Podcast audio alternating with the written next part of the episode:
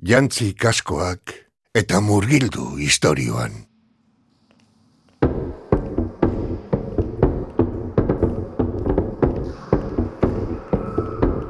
Idurre, Joder, aroa!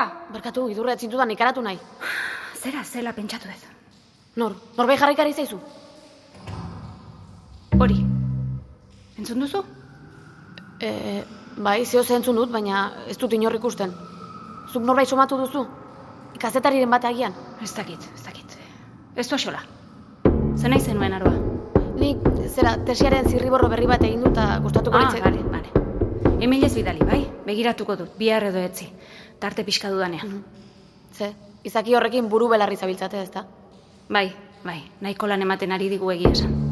Aizuta, pentsatu duzu, izaki hori... Aroa, benetan, estralurtarra dela esaten hasten bazara joan zaitezke plutonera, bale? Ez ez, nik esan nahi nizun agian simbionte bat eduki dezakela barruan, eta badakizu simbionteak kostalaria moldatu dezakela. Joan orduan- beharra dut, aroa. Agur.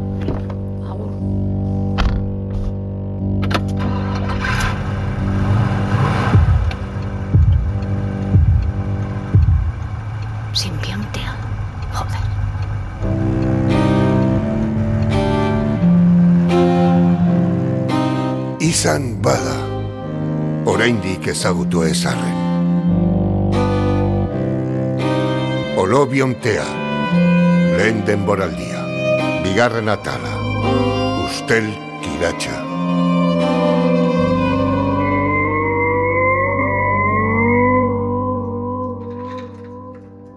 Guztia ondo pentsatua zenuen, ezta? Ze? Lupa ekarriko diazu berriz mesedez? Hau?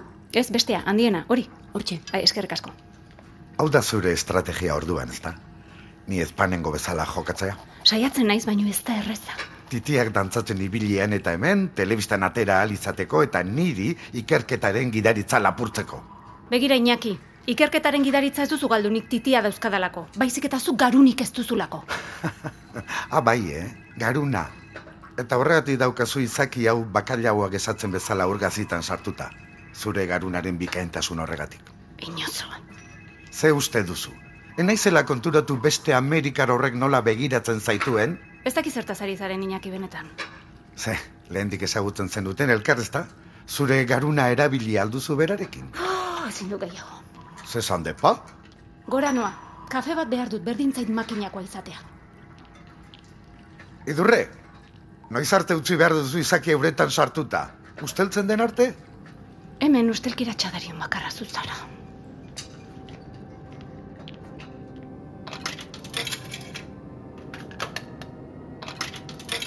Kaka, ez da posible. Ez ere saltzait ondo atera behar, oze hostia. Laguntza behar?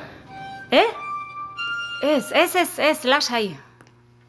Makinan azkante hau da, ez dizki txamponak onartzen. Ah, ez? Utzi da proba egiten. Ara? Zuri hartu dizkizu ba? Bai, ez dakit zergatik izaten den indar handi sartu ezkero batzutan, ba, ez dituzte hartzen. Ja, hori izango da. Piskat azeleratuta igo naiz da. Ze nahi duzu? Ez, ez, hartuzuk. Bai, bai, lasai, gero nik ere hartuko dut, baina aurrena utzi duzu makinako kafe dar batera gonbidatzen. Ongi da. Ebaki bat. Ebakia. Azukre asko, gutxi, Bat ere ez. Eskerrik asko.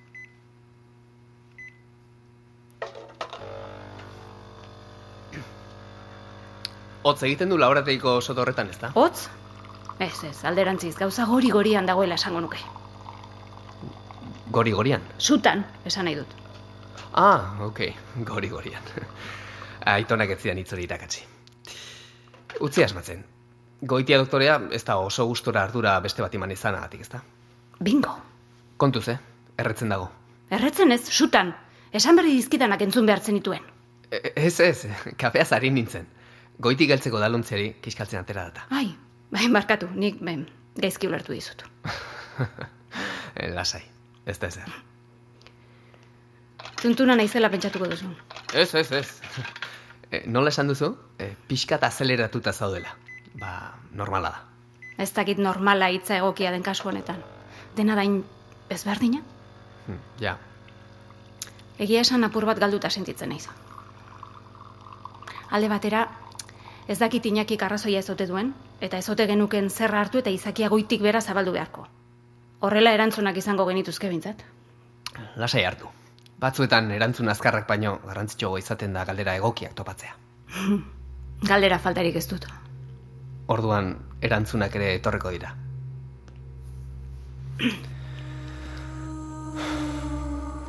Konfidantza osoa dut zure gaitasunean.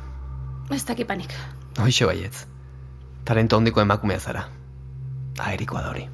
E... bai, ba, bai beroa dagoela kafia, bai. E, oztu bitartean kanporateako naiz. Mhm. Mm, nahi duzu laguntza? Ez? Ez lasai. Haize pixkat hartzeako egingo dit, eta, bueno, bide batez zigarrotxo bat erako dut. Ah, ok. Gero arte.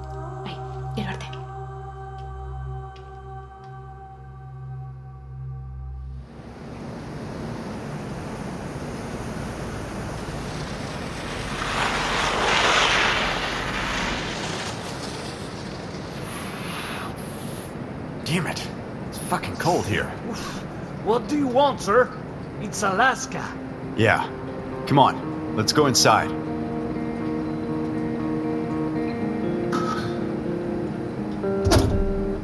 Richard!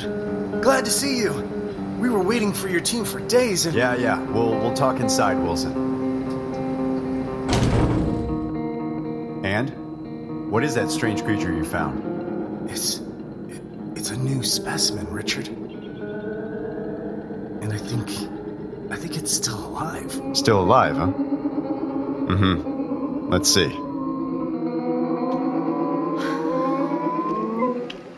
Eskerrak. Kaixo, idurre. Haupa. Zigarro bat? E, bai, bai. Eskerrik asko.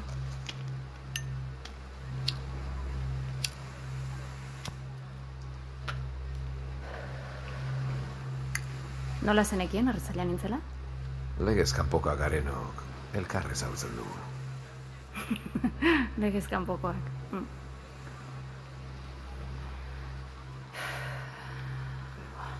Behar nuen. Ja. Zer, Amerikanak molestatu egin zaitu.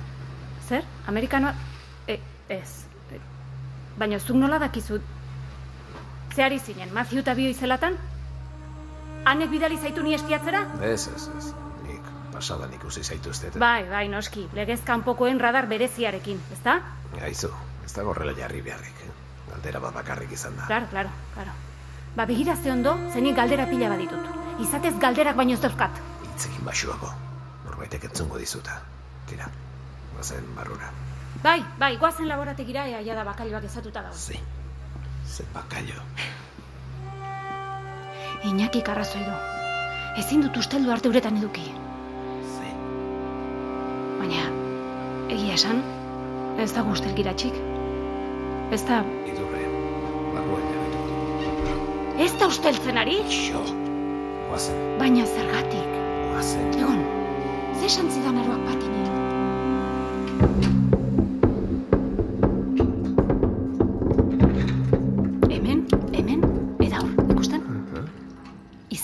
Izakiaren buruaren jira guztian daude. Wow. It's amazing. Eta ez buru inguruan bakarrik. Beste bost liken espezie ez ezagun detektatu ditugu izakiaren gorputzean zehar barreiatuak. Organo ezberdinekin interaktuatzen dutela uste dut. Nervio sistema antzeko baten bidez. Mikobionte eta fotobionte espezializatuak balira bezala. Usteak hori ez da zientzia. Eta barruan? Begiratu duzue barruan? Ez, ez oraindik ez goiz osoa daramago honekin, ta Zer, zer bat topatu duzuena? Arratsalde honane. Bai, berdin. Eta, zer orduan? Aurkikuntza handi bat zela esan didazu telefonoz? Oso handia. Bihar beste prentsaurreko bat emateko modukoa.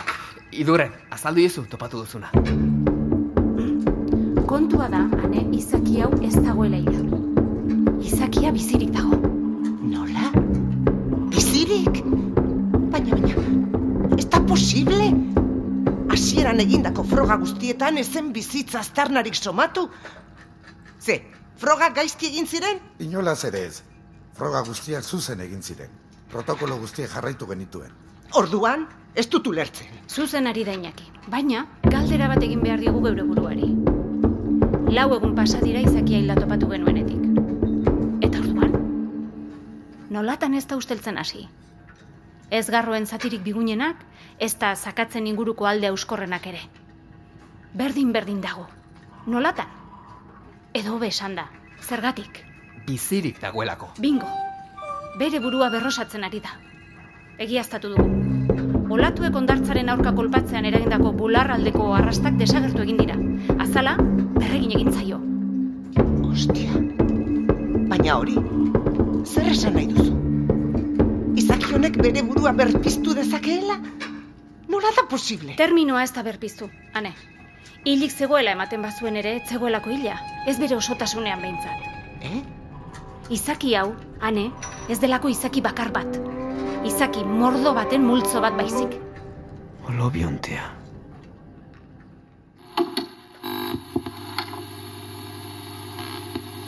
11th November 2012. Military base of Marmot Island, Alaska. Confidential report. Creature is a life form never seen before. It looks like a giant cephalopod, but it is out of all existing cataloging. It is certainly a new species, an immense discovery for science and the U.S. Dr. Wilson and his team have made great strides, and today, November 11th, the research has taken an unexpected turn. It seems that the creature has begun to come out of its torpor. That is to say, that although it seems impossible, the creature is alive. Richard Curtis, head of the research team, Project Holobiont.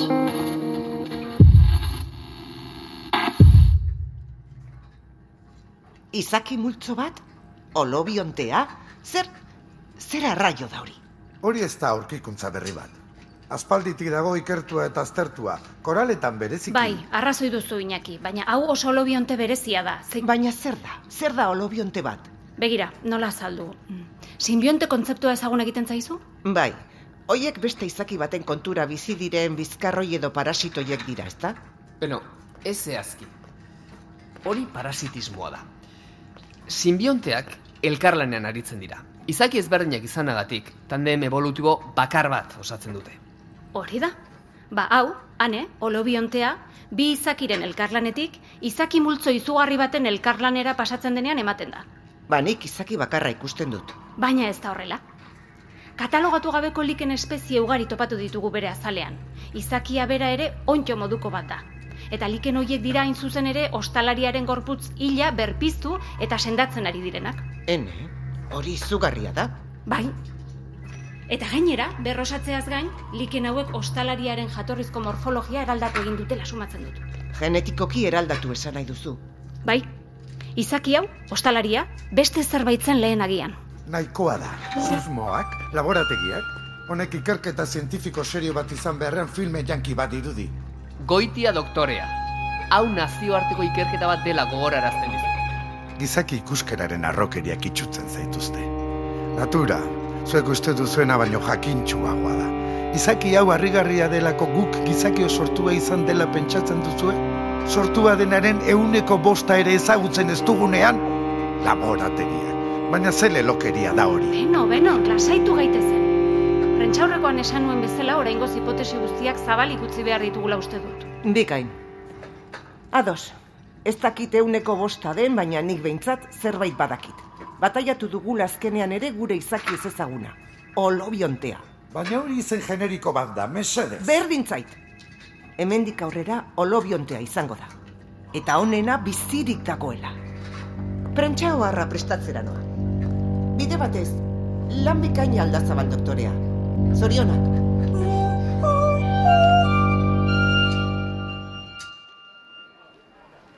Txakolina? Bai, niretzat. Eta garagardoa? Eskerrik asko. E, zen bada? E- ez ordaindu. Haunik egingo dut. ne, ne, ne. Ez dut uste hau genero eta patriarkatu kontua denik ere. Euskaldunok benetan norbaitek zuek gonbidatzarekin arazoak dituzu, eh? Bueno, ez dakit horrela den. Ba, utzi da zu gonbidatzen. Izugarrizko aurkikuntza egin duzu eta ospatu beharra dago. Saltza iruditzen. Bai, ez dakit. E, Tori, eta ekarri jateko zerbait ere, iberiko taula bat edo... Sukaldea itxita dago, sentitzen du. Ah, azeituna batzuk orduan. Azeitunak. Matthew. Mozkortu ingo gara bestela. Eta, eta euskal orduan. Ideia aukerrak sartuko zaizkit buruan behar bada. Aizu, Matthew. Mat. Bale, mm, mat, mat. Goizean galdera egokiak topatzeari buruz hitz egin didazu gogoratzen? Bai noski. Galdera egokiak, hori da gakoa beti. Ba, nik... Badut zuri egiteko galdera bat. Ah, bai. Eta mm, zer da bagaldetu nahi didazuna? Ze jakin nahi duzu nitaz? Lehen laborategian, azalpenak ematen ari nintzenean, zu izan zara berehala olobionte terminoa erabili duena. Lehen da bizikoa. Bai, baina ez da harritzekoa ez? Zientzialaria naiz ni eta ezagutzen dut olobionte kontzeptua. Bai, bai, baina ez dakit. Harritu egin hau. Esan duzu modua izan dagian. Zuretzat zerbait berezia baliz bezala. Berezia? Noski. Derrigorrez da, zerbait berezia izaki hori? Berezia baino gehiago aurrez bazeneki bezala. Aurrez? Baina zuk aurkitu duzu den dena goizean. Nola jakin behar nuen ba? Euskaldunen beste ezaugarritakoa eta faltasun falsua? Ez, ez. Bueno, ez egin kasurik. E, txorakeria bat zen. Azken egunetako tensioa faktura pasatzen ari zaidal uste dut, ba, besterik ez. Normala da hori. Tira, egin dezagun topa aurkikuntzagatik eta eta zugatik ere bai. Eta ja horrek tensio arintzen laguntzen dizun. Vale, bai, ados. Mm. Baina hau hartuta banoa. Txel bazoaz? Norbait duzu zain etxan ala? E, bai, gia esan ez. Borduan, lasai. Hemen gaude, akuarium gaineko terraza batean badia guztia ikusiz. Eta ni behintzat emakume interesgarri eta eder baten konpainiaz gozatzen. Igual ni naiz arazoa. Ez, ez, noski. Konpainia txarra naiz ba ospakizun baterako. Ez gaizki ulertu. Esan nahi nuen. Esan nahi zenuen, zuzen egia izan naizela euskaldun batentzat. Garbi dago. Barkatu. Ez zintudan ataka batean jarri nahi. Ez, ez, beno, eh, nekatua nago, besterik ez. Eta lagun bati barkamena eskatzeko deitu behar dio dala gogoratu naiz gainera. Primera. Lagunak zaindu beharra dago. Bai, bai hori da, ni banoa. Eskerrik asko txakolinagatik, Matthew. Mat. Mat. Vale, ba, ni pixka bat gehiago geratuko naiz pista hauetaz gozatzen. Bihar arte idurre. Bai, bihar arte, Mat. We need you to pull in close. We need some 45 mic in here right now. fight Stop it!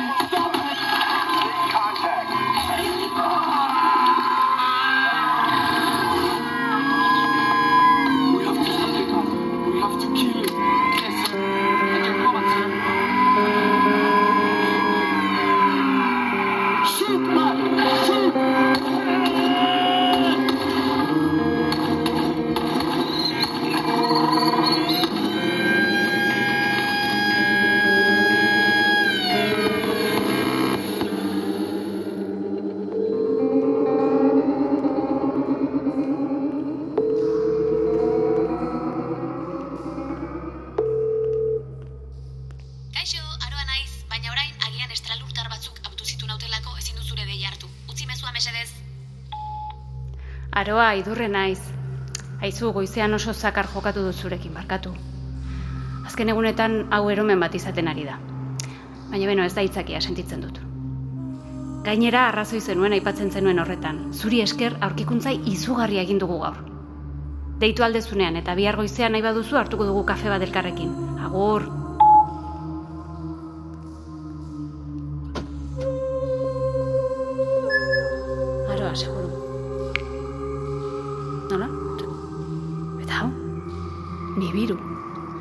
Norra raio da nibiru. Zorionak idurre. Gerturatzen ari zara. Urbil zaude. Berrogeita maikagarren itxasoan. Mila malko hilen putzuak. Arrainkazi erraldoi bat osatzen dutela. Ulertu duzu. Orain, urrengo pausoa falta zaizu. Zailena, arriskutsuena, arraina berriz, itxaso bihurtzea. Gogoan izan Prometeo, eta nola bilakatu zuen jaungoikoaren eriot sugarra, bizitzaren txinparta. Ausartu zaitez, ez etxi. Baina bilierne. Prometeoren antzera. Arranoa duzu gibelean.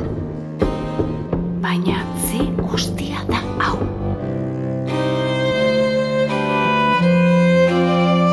Olobiontea, Ulu Mediak EITB podcastentzat ekoitzitako soinu fikzioa da.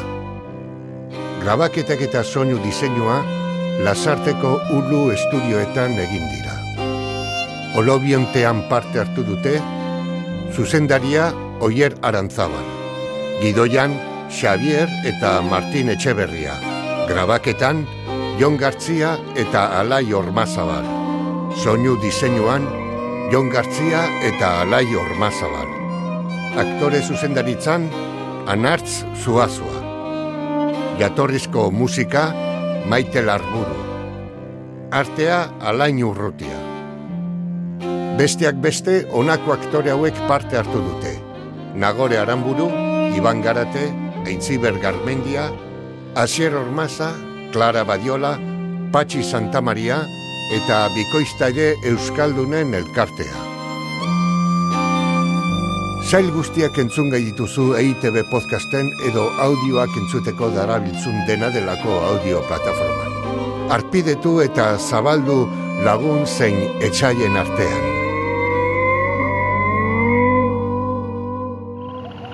Ei, txt, entzun hori. Ulu Media.